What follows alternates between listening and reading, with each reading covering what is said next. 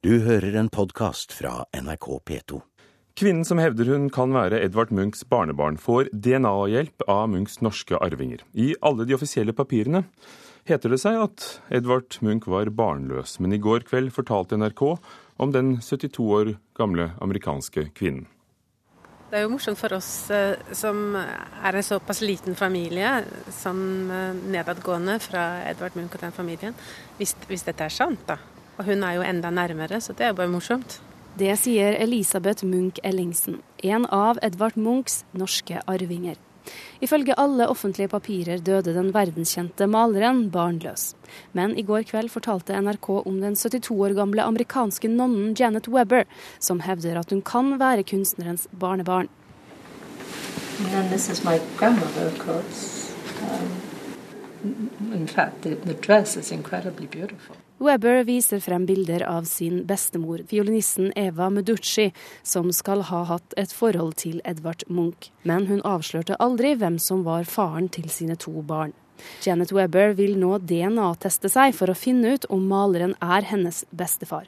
Det vil Elisabeth Munch Ellingsen hjelpe henne med. Jeg har ikke noe problemer med å la meg DNA-teste for eventuelt å bekrefte det slektskapet. Det er, bare, det er, jo litt trist, da, hvis han, ikke, hvis han, er far til to barn som var 34 år etter hva jeg forsto, da han døde. Så hvis det er sant, så fikk han ikke treffe barna sine. Det er jo litt synd. Ja, det er, det er spennende å, å, å, å, se dette. Og det er klart at hun, hun virker jo veldig troverdig. Det, det, er også lett å se trekk i hennes ansikt som, som kan minne om, om Munch-slekten. Forfatter Ketil Bjørnstad beskriver kvinnen som hevder hun er Edvard Munchs barnebarn. Han har skrevet biografi om Munch, men denne historien har han ikke hørt før. Det virker jo ikke som noe hvilket som helst rykte som bare er satt ut. Jeg skulle ønske at, at de klarte å finne ut av det, og kunne faktisk dokumentere det eller ikke. For at alle sånne historier eh, om kanskje, kanskje ikke, det, det er veldig ødeleggende i forhold til uh, forsøket på å lage seriøse biografier og forstå et menneske. Det hører med til historien at Bella Edwards, Eva Muduccis venninne, kvinnen opplysningene om farskapet skal komme fra, selv var romantisk involvert med en annen stor norsk Edvard. Det, det, det gjør det på en måte litt pittoresk at denne damen faktisk eh, også da blir en viktig person i forhold til, til Munchs privatliv, når hun tydeligvis var det i forhold til Griegs privatliv. Om det skulle vise seg at Janet Webber er Edvard Munchs barnebarn, har hun likevel ikke krav på arv, sier ekspert i arverett og førsteamanuensis ved Universitetet i Oslo, Jon Asland. Eh, noen juridiske rettigheter er det ikke snakk om. Eh, all den stund det er så lang tid siden eh, Edvard Munch døde, så er det mm, regler om foreldelse av arverett som her kommer inn. Men det er ikke arv den 72 år gamle kvinnen er ute etter, sier hun. Hun vil bare vite om Munch er hennes bestefar. So what do I think? I'm not, I'm not, sure what I think. I'm not sure what I feel. I, I, if I knew, I think I, I would have to lay claim to those feelings then. But at this betwixt and between part, um, I'm not sure. Janet Weber som sier hun er usikker på hva hun føler, om hvorvidt Edvard Munch er hennes bestefar. Reporter var Eirin Venås Sivertsen. var Jon Gelius i USA som uh, traff Janet Weber. Agnes Moxnes, kulturkommentator her i NRK. Er dette nye spekulasjoner? Nei, det er ikke nye spekulasjoner. Ryktene har gått i veldig mange år. Men så vidt jeg forstår, så er ikke disse ryktene blitt skrevet ned og brukt bl.a. av kunsthistorikere. Jeg snakket med Arne Eggum i går, altså en av Norges fremste Munch-eksperter. Skrevet masse bøker om Munch og var direktør på Munch-museet i mange år. Og han mener at denne historien godt kan stemme. Og hvis man går inn på NRKs nettsider og leser denne saken, så er det et bilde av disse tvillingene, Isabella og Kai. Og det er særlig Kai, altså gutten, som ligner veldig, veldig på Edvard eh, Munch. Ville maleren selv ha visst om dette? Altså Det Arne Eggum sier, det er at det er jo ikke skrevet ned noe sted. Eh, det finnes ikke, det er 49 brev som finnes på E-Munch, på nettstedet på Munch, altså eh, Munch-museets eh, nettsted. Det er 49 brev og utkast som Edvard Munch har skrevet, og brev også fra Eva. Det står ikke noe om det der. Men Arne Eggum kunne fortelle at han mente at, eh, at Eva Meducci hadde reist til Åsgårdstrand etter at uh, tvillingene var født, og antageligvis har uh, fortalt han dette her. Vi hørte Ketil Bjørnstad i reportasjen, en av dem som har skrevet biografien om Edvard Munch. og Han sier at um, det er avgjørende for å vite om dette stemmer eller ikke. Men, men, er det det? Hva vil det forandre for hvordan vi ser bildene? Det er jo som Ketil Bjørnstad sier, at for å skrive troverdige og seriøse biografier, så må jo all kunnskap komme opp og frem. Og selv om det ikke har så stor betydning om hvordan man ser på bildene til Edvard Munch, og hvordan bildene hans er, er blitt, så er det av eh, betydning. I alle fall hvis det viser seg at Edvard Munch faktisk visste om disse tvillingene. Hva sier det om han som eh, menneske, og om den tiden han vokste, eller i den tiden han levde i? Og så ville jo debatten, som var ganske kraftig etter krigen, om arv og rettigheter, vært annerledes hvis det hadde vist seg at det var andre arvinger. Og ryktene var jo så sterke at Johan Henrik Langgaard, som ble leder, direktør for Oslo kunstsamlinger i 1946, han skal ifølge Arne Eggum ha fått sendt en lege til København for å undersøke om disse ryktene var riktige eller ikke, og han mente da å, å bevise at de ikke var riktige. Men er det overraskende i forhold til hva kunsthistorikerne har ant eller visst eller brydd seg om, at, eh, at det ikke er blitt mer skrevet ned? Det er veldig mye av denne debatten på altså, kunst, norske kunsthistorikere, eh, med Gerd Wold i, i, spissen, som er også en, en av de virkelig tunge Munch-ekspertene, og Arne Eggum, eh, de har vært opptatt av bildene og at historien om Edvard Munch ikke ikke uviktig, men det viktigste er det som har hatt betydning for, for, bildene. Og de mener jo da at det ikke har hatt stor betydning for bildene hans, eh, men at historien er blitt overlevert på Munch-museet muntlig, det er det ingen tvil om. Agnes Moxnes, takk. Gentlemen, your uh, magazine will be uh, with me on a raft at the mercy of the winds all the way to uh, Polynesia. Lørdag hadde Kon-Tiki premiere på filmfestivalen i Haugesund. Filmen om Thor Heidals Kon-Tiki-ferd er Norges dyreste, og er laget av regissørene bak eh, Max Manus, som mange så. Og P2s filmkritiker Einar Gullvåg Staalesen, hva var dine førsteinntrykk? Det er at det en velgjort, ålreit film som forteller historien, men som kanskje ikke bringer oss helt inn i den. Som ikke engasjerer oss tilstrekkelig i personen Heierdal, i egoet Heierdal. Vi informeres, men vi betas ikke. Det er en film som eh, er veldig konvensjonell i, i uttrykket. Som uh, følger vanlige internasjonale dramaturgiske regler. Men den er litt todelt. Vi har hjemmescenen, eh, dvs. Si hele forhistorien til Kon-Tiki-ferden. Samlivet med Liv, guttene. Og eh, det er ganske tablåpreget. Litt stakkato, litt poserende og eh, noe skriftlig i dialogen fra tid til annen. Men når vi kommer ut på flåten, når vi kommer til eh, seilasen og drama, det fysiske dramaet, så fungerer det veldig bra. Det er jo eh, i, i, sterk grad digitalt tilvirket eh, drama, dette her. Det vil si både vær og vind og sjø, og, og, det hele er godt hjulpet frem gjennom manipulasjoner i ettertid. Hundrevis av mennesker har sittet og behandlet hver eneste scene. Men i tillegg så er teamet om bord, altså skuespillerensemblet om bord, velfungerende. De fungerer godt sammen. De uh, har en tilstedeværelse i dette dramaet, selv om de har måttet spille dette i helt andre omgivelser. Og, men, men, men nei, ja, for, Fortell oss også, Pål Sverre Hagen, som vi hørte litt av her, spiller jo Thor Heyerdahl. Ifølge sønnen Thor Heyerdahl jr. er han veldig lik faren. Uh, men hvordan gjør han det?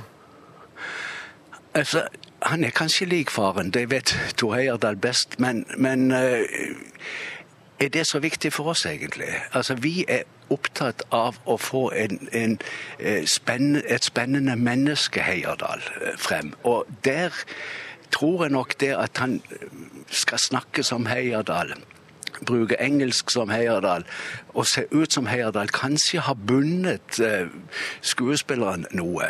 Det er større ledighet i andre roller som ikke er så basert på portrettlikhet. Og i og for seg likhet i psykologi, likhet i bakgrunn heller.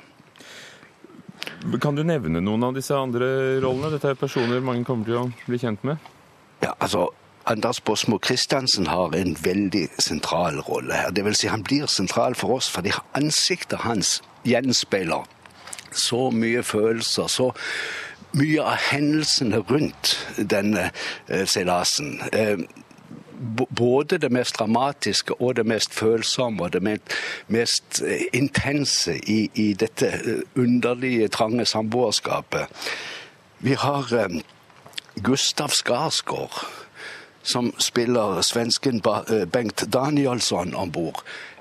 Veldig tilbaketrukket, veldig riktig tilbaketrukket. Beskjeden, men du verden. Men det virker at han er i bildet. Med sin litt underlige, ikke spesielt sunne kroppsholdning. Men, men hva har de ja, Du vil kanskje si mer, men vår tid er så knapp at jeg har lyst til å spørre deg hva du synes de har lykkes med i denne filmen? Jeg syns de har lykkes med det fysiske dramaet. Jeg syns ikke de har lykkes like godt med det psykologiske. Eh, det vil si, vi, vi ser en handlingsmettet film uten noe særlig sjelelig dybde, uten det som skal få oss engasjert i personen Heierdal og hans, hans bravader. Regien er jo da Espen Sandberg og Joakim Rønning, og det var de som lagde Max Manus, som ble sett av over én million nordmenn. Kan de likevel håpe på det samme i Kon-Tiki? Det tviler jeg på i Norge, men denne filmen kan få et helt annet eh, resultat i utlandet. Fordi at historien er veldig spesiell. Heierdal er veldig spesiell. Heierdal er veldig godt kjent internasjonalt. En, en historie som Max Manus har de i nesten alle land som har hatt krig. De har alle disse motstandsheltene, og de har laget nesten de samme filmene. Denne filmen er unik i så måte. Einar Gullvåg Staalesen med oss fra Haugesund, takk for at du eh, fortalte oss om hva du syntes om Kon-Tiki. Og vi tar med at Herman Watzinger, som var Thor Heyerdahls nestkommanderende, blir feil fremstilt i den nye filmen. Det mener i hvert fall datteren Trine Watzinger Narum. Hun sier til Aftenposten i dag at filmskaperne har tatt seg store friheter og gir et historisk uriktig bilde av faren hennes. Filmen fremstiller Watzinger som en nervøs og forkommen skikkelse. Og regissør Espen Sandberg forsvarer valgene deres og mener de har spilt med åpne kort om at Watzingers skikkelse blir endret. Du hører en podkast fra NRK P2. En dokumentarfilm om skolevalg og fire ungdomspolitikere ble dramatisk forandret 22.07. i fjor.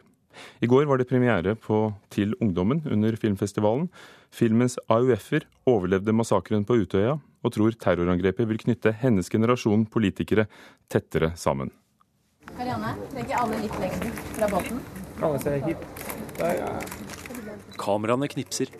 Med båtene hvilende i det stille sundet bak seg, poserer fire ungdommer langs kaia i Haugesund for en film som plutselig ble noe helt annet enn det den skulle bli.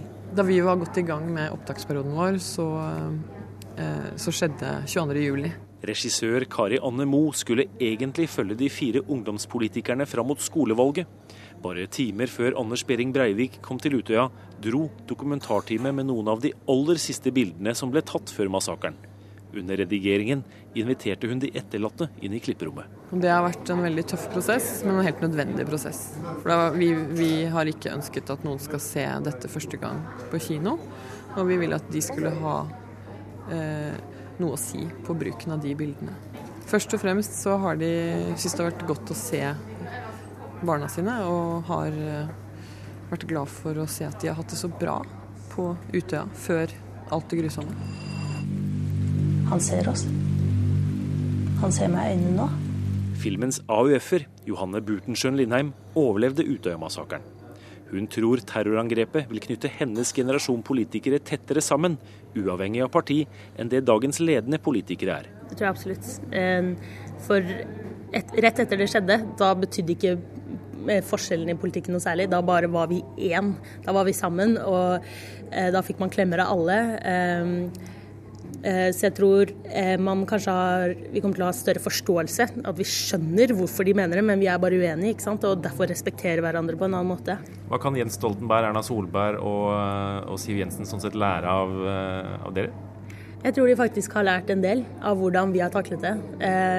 Jeg er sannelig ikke sikker på om den generasjonen hadde taklet det på samme måte, hvis det var de som hadde blitt angrepet da de var unge.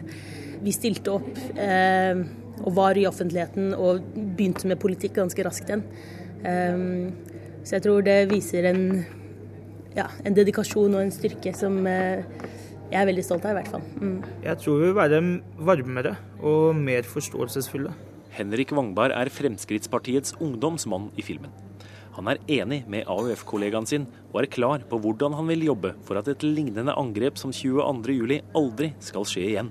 Jeg tror at det viktigste for å få til det, er at vi tillater også at de med ekstreme meninger får ta del i debattene.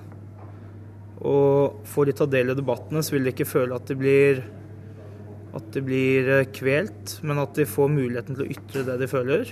Og så kan man heller ha en motdebattant som kan slå i hjel alle argumenter. AUF-politiker Lindheim og regissør Mo understreker at dette ikke er en Utøya-film, men en film om fire mennesker.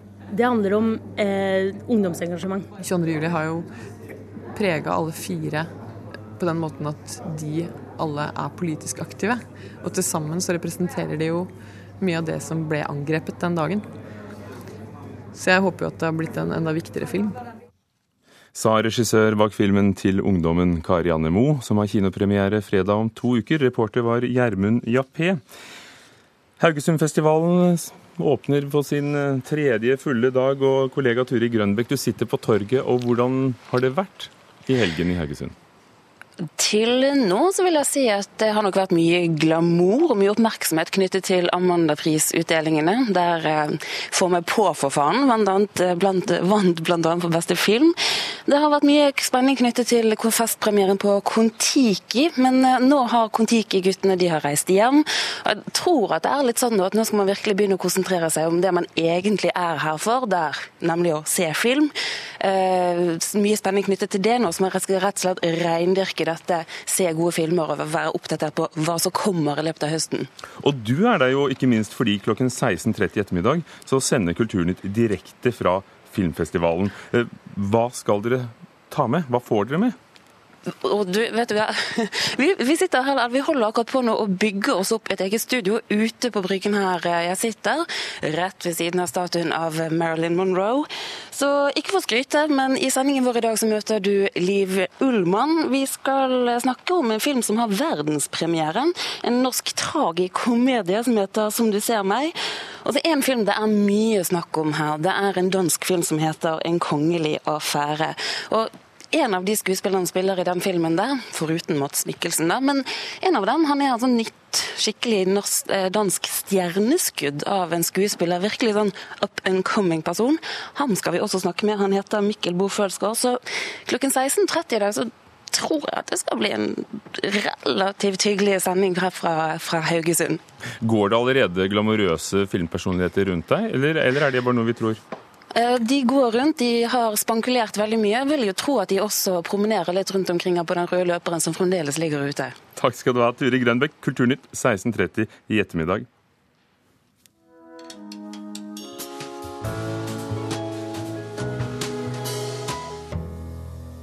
Etter den omdiskuterte romanen 'Grense Jakobselv' forflytter Kjartan Fløgstad seg enda lenger nord og mye lenger sør i sin siste roman 'Nordaustpassasjen'. Fløgstad rir sine kjepphester inn i solnedgangen på mesterlig vis, sier vår anmelder Knut Hoem. For det første, Fløgstads eventuelle evne til å provosere ligger ikke i de politiske holdningene som ligger til grunn for denne romanen. Ei heller i hans refleksjoner rundt 22. juli, som virker om ikke påklistret, så iallfall litt innmontert i boken. Fløgstads bidrag til den diskusjonen går kort fortalt ut på at norsk offentlighet er for lite opptatt av å forstå Breivik i lys av hans sosiale bakgrunn på Oslos beste vestkant, og at det har vært for lite interesse for å forstå hva det innebærer at Breivik hadde sydd inn merkelappen Marxist Hunter, marxistjeger, på uniformen sin. Nei, det som eventuelt provoserer, er at Fløgstads verdensbilde kan virke litt fasttømret. I den forrige romanen Grense Jakobselv fikk vi inn med teskje at nazismen blomstret videre i statsapparatet og i etterretningstjenesten i etterkrigstidens Tyskland og Norge. I denne romanen går han et steg videre og sier at i den moderne kapitalismen har massemediene gjort fascismen overflødig. For å vise verden som et massemedialt mareritt à la Berlusconis Italia, har han flyttet deler av handlingen noen år frem i tid. Den tradisjonsrike institusjonen du nå hører denne stemmen snakke i, er for eksempel for lengst kjøpt opp av en stråmann ved navn Mr. Su, på vegne av medieoligarken Forest Gardner, med hovedsete i Hongkong. Oslo heter ikke lenger Oslo, men Tonby, og bor du på vestkanten, kan du velge en privatfinansiert tunnel som tar deg rett til Gardermoen. Kafka har skrevet at litteraturen skal være den øksen som bryter opp det frosne havet mellom oss. Er det ikke flott?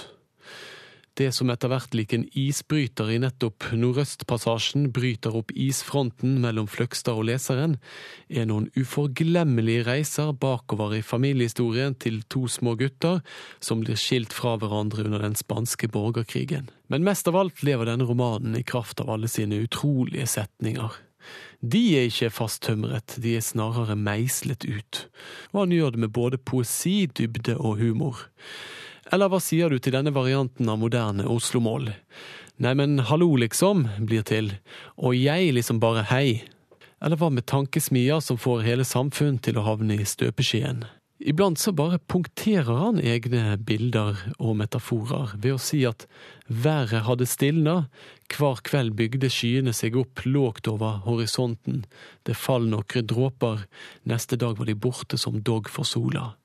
Men hallo, liksom, er det ikke nettopp morgendugg han beskriver her? Denne boken klarer å faktisk gjøre det litterært sannsynlig at man ikke har levd et fullverdig liv hvis man ikke har vært akterutseilt i en latinamerikansk havneby og sett Sam Peckinpahs westernklassiker The Wild Bunch om og om igjen, og så tumlet ut att i gata i kvast, regnvått formiddagslys.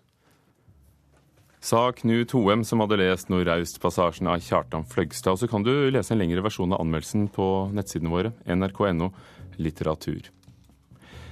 I Kulturnytt i dag har vi hørt at uh, en amerikansk kvinne lurer på om hun kan være Edvard Munchs barnebarn, og Munchs slektninger vil la seg DNA-teste for å bringe klarhet i spørsmålet, men ryktene har versert lenge, fortalte vår kommentator. Kon-Tiki-filmen er en storslått actionfilm som mangler dybde, mener vår anmelder om Kon-Tiki. Og Kulturnytt var ved Hanne Lunås, Vidar Sem og Ugo Fermariello, og dette er P2s Nyhetsmorgen. Du har hørt en podkast fra NRK P2.